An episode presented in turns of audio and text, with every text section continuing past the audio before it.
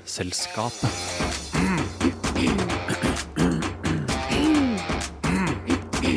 Vitenselskapet. Er du av folket som får vondt i stortåa når det brygger seg opp til tordenvær? Eller kanskje du har merka at hjerterytmen din forandrer seg og etterligner musikken du hører på? Tro meg, det er flere hvor disse kommer fra, og den skattkisten, det er kroppen vår.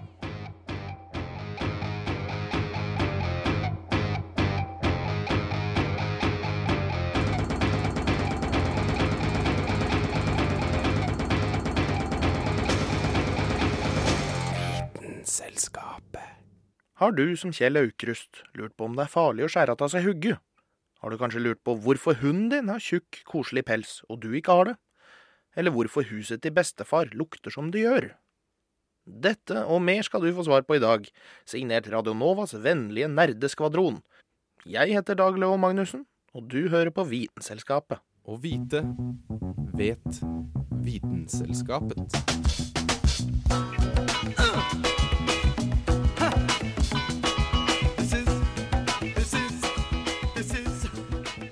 Når man er inne på temaet kroppens underfundighet, kan man ikke la være å snakke om hjernen. Selve personligheten vår. Hva skjer dersom man fjerner deler av denne uvurderlige og myke massen? Kan man leve med en halv hjerne? Insane in the membrane.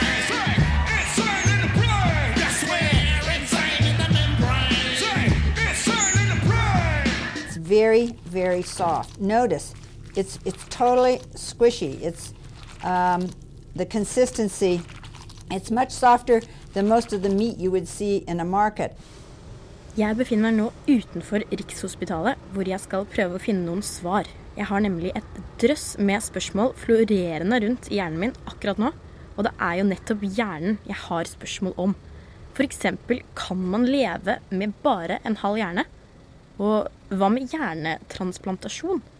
Det skal jeg forhåpentligvis finne noen svar på akkurat nå.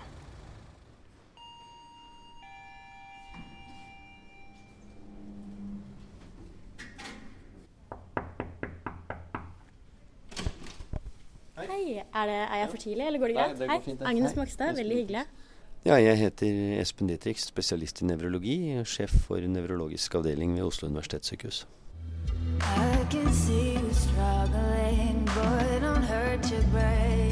Ja, det går an å kutte bort eh, en del av hjernen. Det ser vi jo stadig vekk. F.eks. folk som får hjerneslag eller andre sykdommer hvor det er større eller mindre deler av eh, hjernen som eh, faller bort. Og da er det jo sånn at i hjernen så er det en veldig stor arbeidsfordeling. Eh, Og det er helt avhengig av hvilken del av hjernen som faller bort, eller som blir skadet. Eh, Hvis noen får et stort hjerneslag hvor de skader en god del av eh, venstre hjernehalvdel, så kan de både miste all språkfunksjon og bli helt lamme i høyre side av kroppen. Så da kan selv et relativt begrenset hjerneslag eller en hjerneskade gi svære utfall. Tidligere trodde forskere at hjernen sluttet å utvikle seg etter de første leveårene. De trodde også at dersom et bestemt område av den voksne hjernen ble skadet, kunne ikke nervecellene danne nye forbindelser eller regenerere, og de funksjonene som ble kontrollert av det skadede området av hjernen, ville være tapt for alltid. Ny forskning har imidlertid snudd opp ned på dette gamle synet.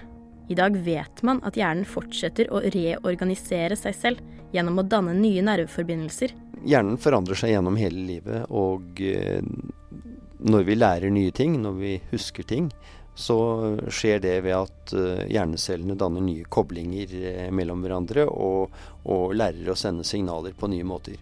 Og, og enten man pugger franske gloser eller lærer å spille bordtennis, eller man prøver å trene seg opp igjen etter en hjerneskade, så er det egentlig de samme mekanismene man bruker. Så det er læringsmekanismene som er der. Og, og hvis du har en, en skade som har ødelagt delvis en del av hjernen, så har du mulighet til, nettopp ved å bruke læringsmekanismer, til å trene opp igjen funksjonen. så kan man egentlig bare leve med en halv hjerne. Ja ja, det kan man gjøre. Eller når vi snakker da, så snakker vi nok om storhjernens halvdeler. Eh, under storhjernen ligger hjernestammen. Der ligger bl.a. pustesenteret. Og, og det klarer vi oss ikke uten. Eh, sånn at eh, Men hvis du tar og fjerner én av storhjernehalvdelene, eller får skadet, så vil du da bli totalt lammet og miste følelsen i motsatt side av kroppen. Men eh, du kan fortsette å leve. Kanskje hvis det skjer akkurat i forbindelse med fødselen og sånt noe, at du kan kompensere for tapet ved at den andre hjernehalvdelen overtar en del funksjoner. Men, men hvis dette skjer i voksen alder, og du mister eh, halve hjernen, så, eh, så får du en dramatisk funksjonsforstyrrelse. Tenk deg om man kunne flyttet en hel hjerne fra ett individ til et annet. Er dette egentlig mulig? Hele personligheten og, og selve jeget ligger i hjernen. Så hvis man kunne ta og flytte en hjerne fra en kropp til en annen, så ville jo personligheten fulgt hjernen, så du ville bytte kropp og ikke hjerne. Det er dette nettverket av alle disse signalene mellom de forskjellige hjernecellene og forskjellige delene av hjernen som bestemmer personligheten. Og om du tar en liten klump med celler som ikke henger sammen, og sprøyter inn i hjernen, så, så vil ikke det ha noen betydning for personlighet. Sånn at dette kaller man på medisinsk språk for hjernetransplantasjon. Men det man da gjør, er at man egentlig tar og sprøyter noen hjerneceller inn i hjernen.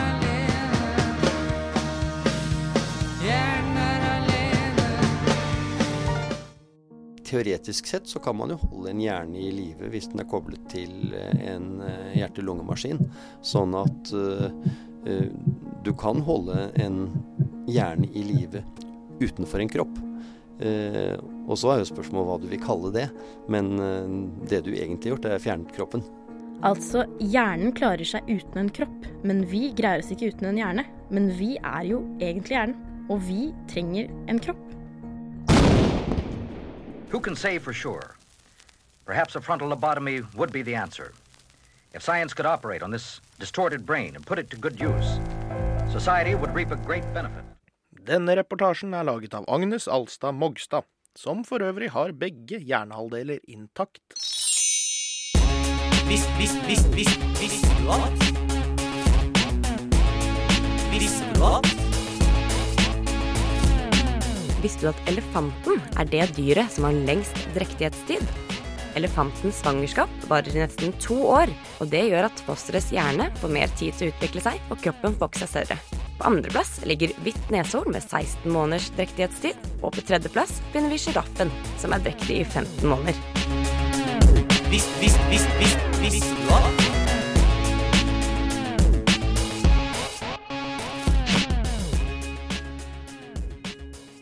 Har du noen gang tenkt over at huset til bestemor og bestefar lukter, vel, gammelt? Det er en grunn til at gamle folk får denne ganske distinkte, men også temmelig ubestemmelige lukta, og det er ikke bare fordi de spiser mer kål og koteletter enn oss som er litt yngre.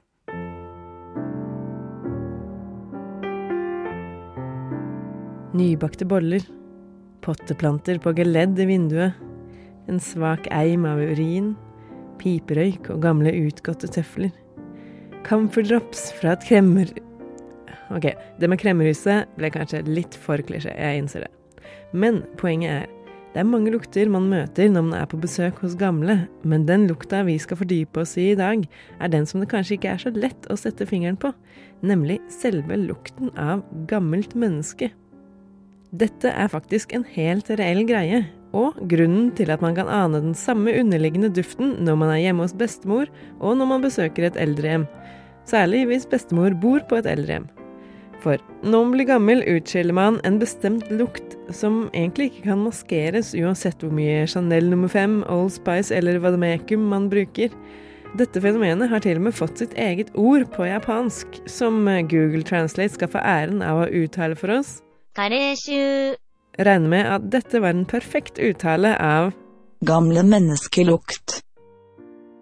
Forskere i Philadelphia har gjennomført en undersøkelse hvor folk var nødt til å sniffe på kroppslukta til folk i ulike aldre, og det viste seg at det var veldig lett å aldersbestemme hvilken lukt som tilhørte gamlingene.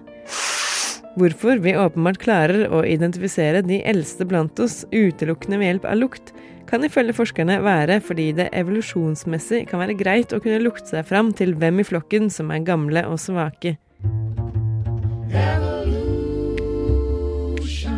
Personlig har jeg lenge hatt teorien at den bestemte lukta hadde noe med kålruletter å gjøre, men eh, trolig er den tettere forbundet med det kjemiske stoffet tononanal, altså nonanal med totall foran.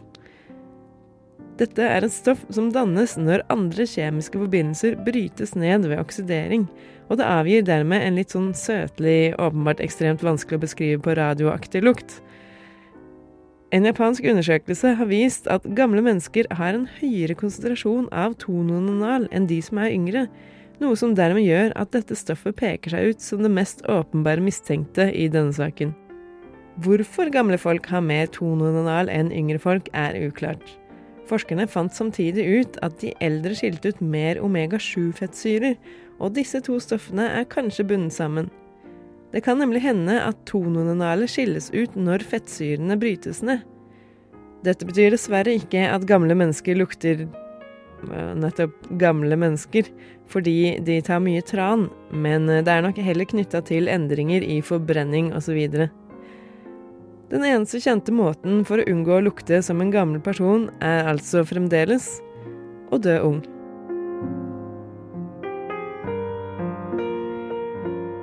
Den som laget dette innslaget, det var Kristin Grydland.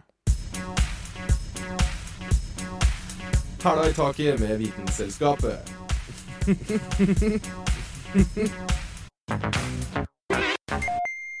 På lista over ubrukelige ting på menneskekroppen må vel armhulehår holdes ganske høyt. Men som vi har lært av evolusjonen, det er kanskje en grunn til at det er der? På katten din er det helt ok, men møter du et annet menneske med store mengder av det, syns du nok at det er litt rart. Jeg snakker ikke om poter, men om pels. En gang i tida så hadde vi mennesker, i likhet med de fleste andre pattedyr, som katter, aper og rotter, betydelig mer hår på kroppen. Eller pels, om du vil. Men noe skjedde med oss som ville ta oss i en helt annen hårløs retning enn de andre dyrene vi levde sammen med på savannen i Afrika. Hva skjedde? Og hva er egentlig forskjellen på de hårene vi har nå, og den pelsen som katten vår besitter?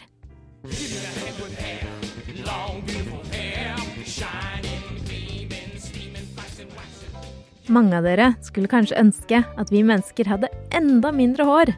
Men sammenligna med de gjengse pattedyr, så er vi faktisk veldig sparsomt på håra.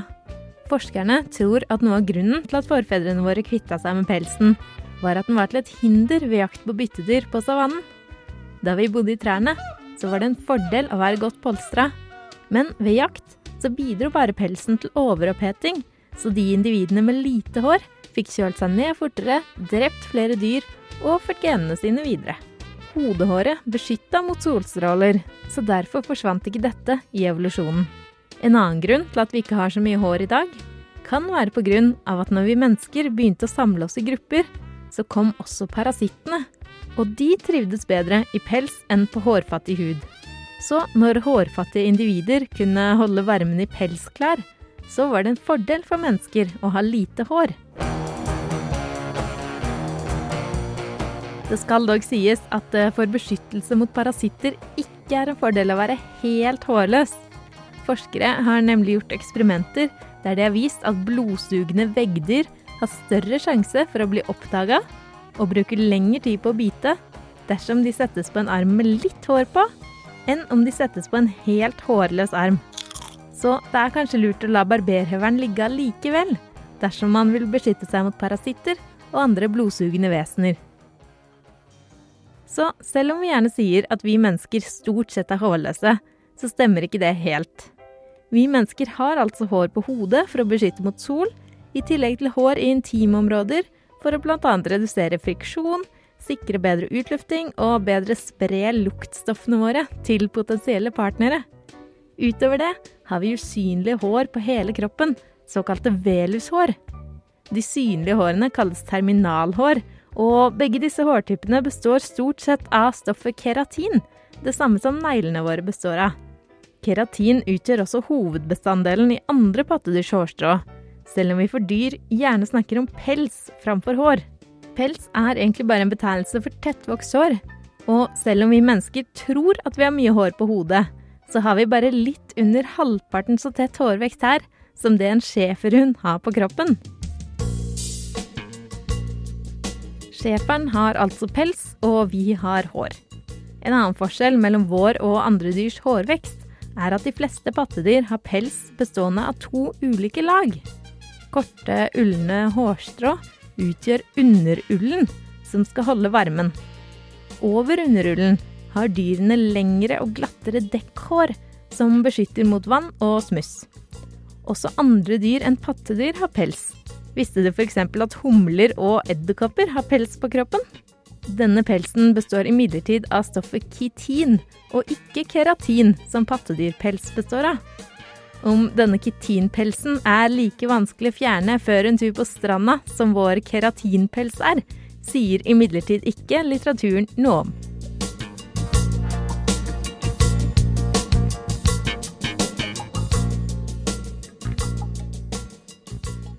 Pelsdyret som ga deg grunnen til at vi mennesker har mistet mesteparten av pelsen vår, og hva som egentlig er forskjellen mellom pels og hår, var Hanne Grydland. Vite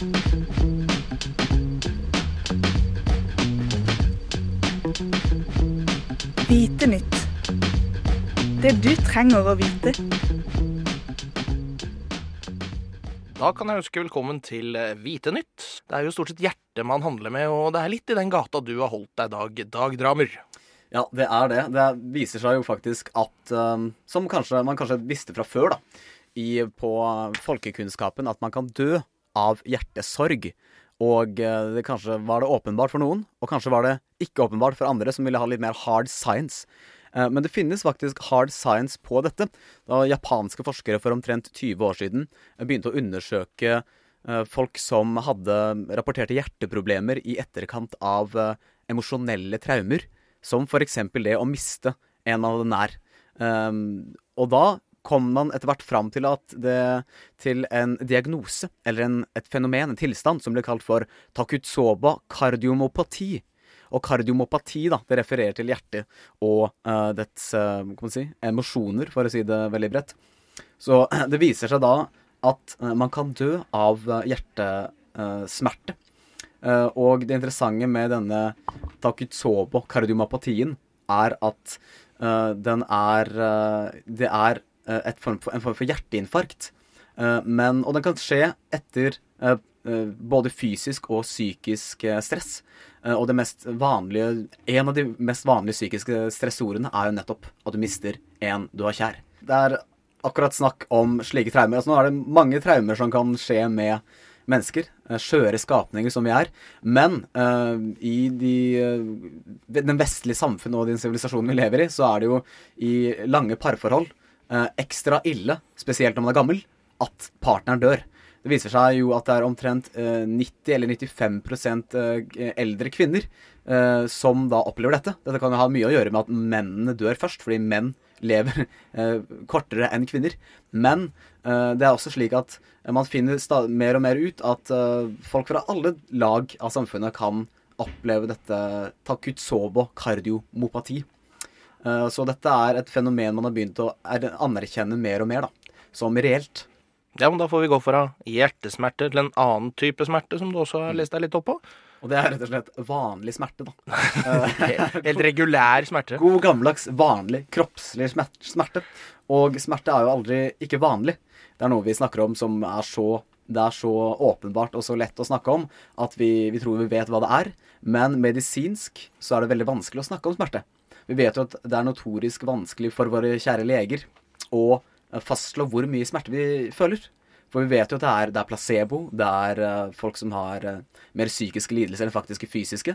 Og nettopp dette er jo et, en vanskelig ting i seg selv. Skille mellom fysiske og psykiske smerter. Ofte så glir de- disse inn i hverandre. Men poenget da er at man prøver å kartlegge smerten vi har. Og man har jo f.eks. dette kartet som både psykologer og uh, leger bruker på en skala fra én til ti. Hvor, mye, hvor vondt har du nå? Poenget da er at uh, man kan jo lett forestille seg at folk har forskjellig smerteatferd, selv om den smerten man føler kan være intens. Men så noe av det som gjør smerte så vanskelig, er nettopp at det er subjektivt, men det er også kroppslig. Vi har jo eh, vevskade, og det var noe av det man var mest opptatt av før.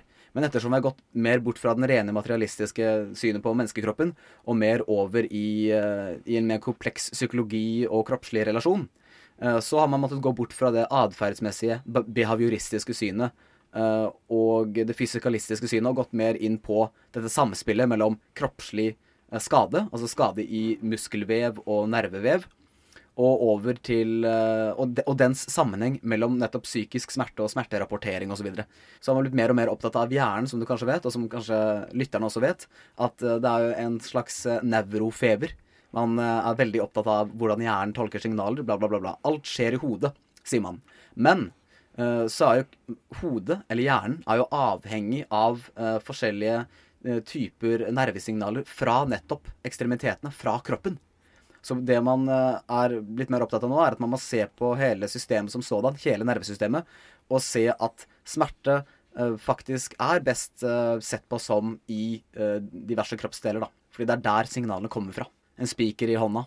Så det er en mer, mer helhetlig syn på nervesystemet, hjernen, kropp, øh, syke og smerte. Men det er vanskelig å se på en smerte uten en organisme som også reagerer. Det er poenget, da. Så hvis du ser bare på øh, vevskade, så er det veldig vanskelig å gå fra, eh, fra det til smerte, smertetilstand, altså vesenets opplevelse av smerte.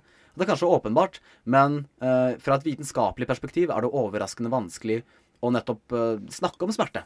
Fordi en, en biolog vil jo f.eks. nettopp snakke om vevskade. da. Endring i celler og endring i nervesignaler osv. Og, så og det viser seg å være vanskelig, fordi da har du ditchet litt av psykologien. Um, men en, hvis du bare holder deg på det psykologiske pla plan, så blir det vanskelig å snakke om andre arter enn mennesket, f.eks. Som kan uh, oppleve smerte på andre måter. Men det interessante er at det er mange likheter i smerteatferd fra art til art. Når en hund eh, skriker fordi han eh, klemmer eh, labben i døra, så er det klart at vi, vi skjønner med en gang at dette er en form for smerte. Og den, den smerteatferden min hund Brando eh, kom med når han klemmer hala i døra eller noe, den er jo veldig lik eh, en, et menneskets skrik eh, når vedkommende snubler. Så det er fra art til art også. Tusen takk til deg, Dag Dramer, som fortalte oss om eh, smerte og hjertet. Selv takk, Dag. Vitenselskapet. Vitenselskapet på Radio Nova.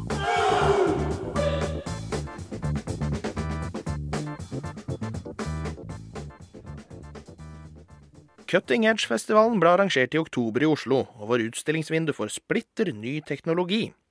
Der var selvfølgelig Vitenselskapet på plass, og de neste minuttene skal du få høre om Norges nye supermikroskop, som kan zoome inn på helt ufattelig små størrelser. Atomkikking med Norges supermikroskop er tittelen. Og da lurer dere kanskje litt på hva er et supermikroskop? Det vi mener med et supermikroskop i denne sammenhengen her, er et transmisjonselektronmikroskop. Det vil si at vi bruker elektroner istedenfor lys, f.eks. som lyskilde, i vårt mikroskop. Transmisjonselektronmikroskop kalles det, det flunkende nye mikroskopet i Forskningsparken. Ifølge Anette Gunnes, førsteamanuensis ved Senter for materialvitenskap og nanoteknologi, er denne typen mikroskoper fantastisk kraftige, noe som også betyr at de må ha visse forutsetninger for å funke. Ikke så mange meter lenger unna her så finner vi dette supermikroskopet vårt. Ehm, det er visse krav til et slikt instrument. De skal jo kunne se på atomer, så her må ting være helt i ro. De kan ikke flytte på seg det, det minste. Eh, I tillegg så skal vi bruke en elektronstråle, og den må da kunne også holde seg rød. Og elektroner kan bli påvirka av magnetiske felt osv. Så, videre. så vi har faktisk i Forskningsparken her bygd et rom hvor mikroskopet står på en egen platting som ikke henger sammen med resten av bygningen. Og i tillegg så er rommet nå kledd inn med aluminium. Men selve mikroskopet koster ca. 20 millioner, har det kosta omtrent 10 millioner bare for å få bygd et passende rom hvor det kan stå. Men det er verdt det når man får forstørra så mye som man faktisk kan med dette mikroskopet. Å zoome inn på en prøve med et supermikroskop blir nemlig litt som å stå langt ut i verdensrommet, og så zoome inn på et enkelt eple her nede på jorda. Vi har rikta oss inn mot Norge her, og vi slår på mikroskopet og drar i gang litt på forstørrelsen. Første vi ser, er kanskje da deler av Syd-Norge her. Så kan vi vri om litt. Når jeg sier vri om litt, så er det fine med elektronmikroskop at vi kan bare endre på strømmen i linsa, og da endrer vi styrken på linsa. Vi endrer på magnetfeltet inni, i linsa, som igjen gjør at vi kan forstørre bildet vårt. Så vi kan blåse opp videre. Vi kommer oss inn til Oslo-regionen her. Vi kommer til Blindern. Og i nærheten av Blindern så har vi Forskningsparken. Nå begynner vi kan ense at her har vi noen trær, og her kan det kanskje være noen epler. Men vi beveger oss litt til siden, og så drar vi opp forstørrelsen litt til. Og nå er vi inne i Forskningsparken, og vi kan bla opp videre. Nå Det er så stor styrke som faktisk et sånn type mikroskop er.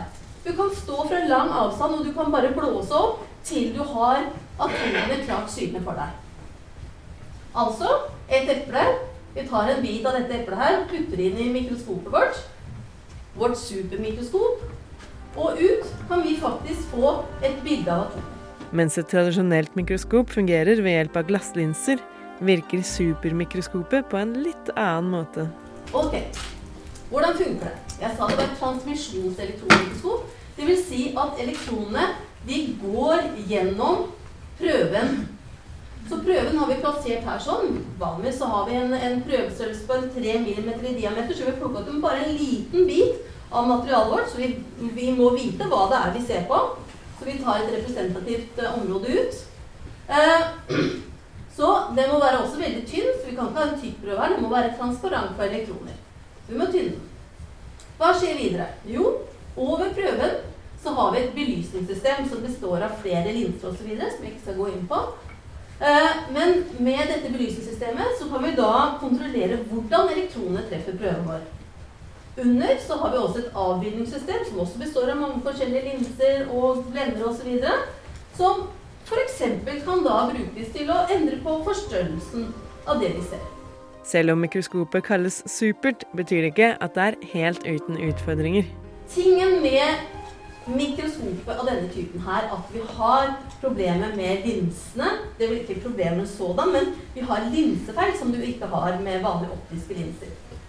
Og det som er mest kanskje eh, viktig her, er at vi da har eh, sfærisk feil. Dvs. Si at elektroner som kommer lenger ut fra den optiske aksen, ikke krysser på samme punkt som de som kommer nærmere den optiske aksen. Men det nye med dette mikroskopet her er at vi faktisk kan korrigere det. Det vil si at vi kan fokusere alle strålene våre i akkurat ett punkt. Og sant skal sies at dette er ikke et problem som vi kun har for elektronmikroskop. Det kan man også ha i andre type eh, instrumenter eller kamera osv. Og, og skal vi gå ut i rommet, så har vi et eksempel her som kanskje noen har sett før.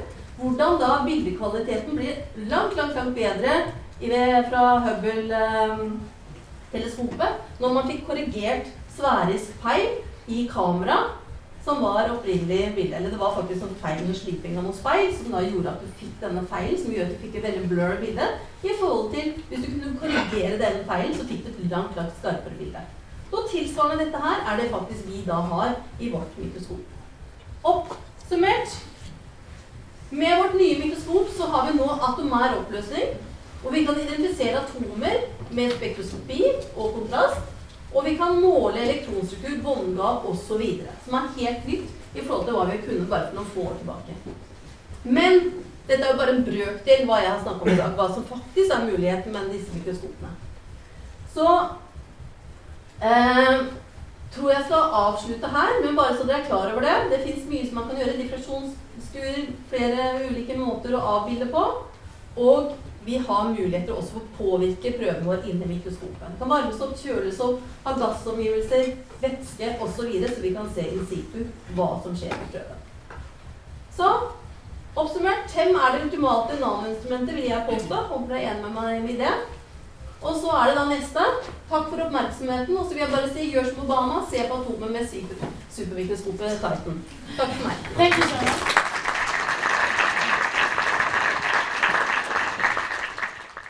Og reporter her var Kristin Grydland. Vitenselskapet. Da var vi ved veis ende for vår tid sammen denne gang. Skulle du ønske å høre mer oral vitenskapelig formidling, sier sikre kilder at Vitenselskapet er tilgjengelig som podkast på radionova.no, og til og med har en egen Facebook-side. Det kan være verdt å sjekke ut. Men da må jeg løpe. Eller gå. Jeg går stort sett. Jeg heter Dag Leo Magnussen. Ha det bra.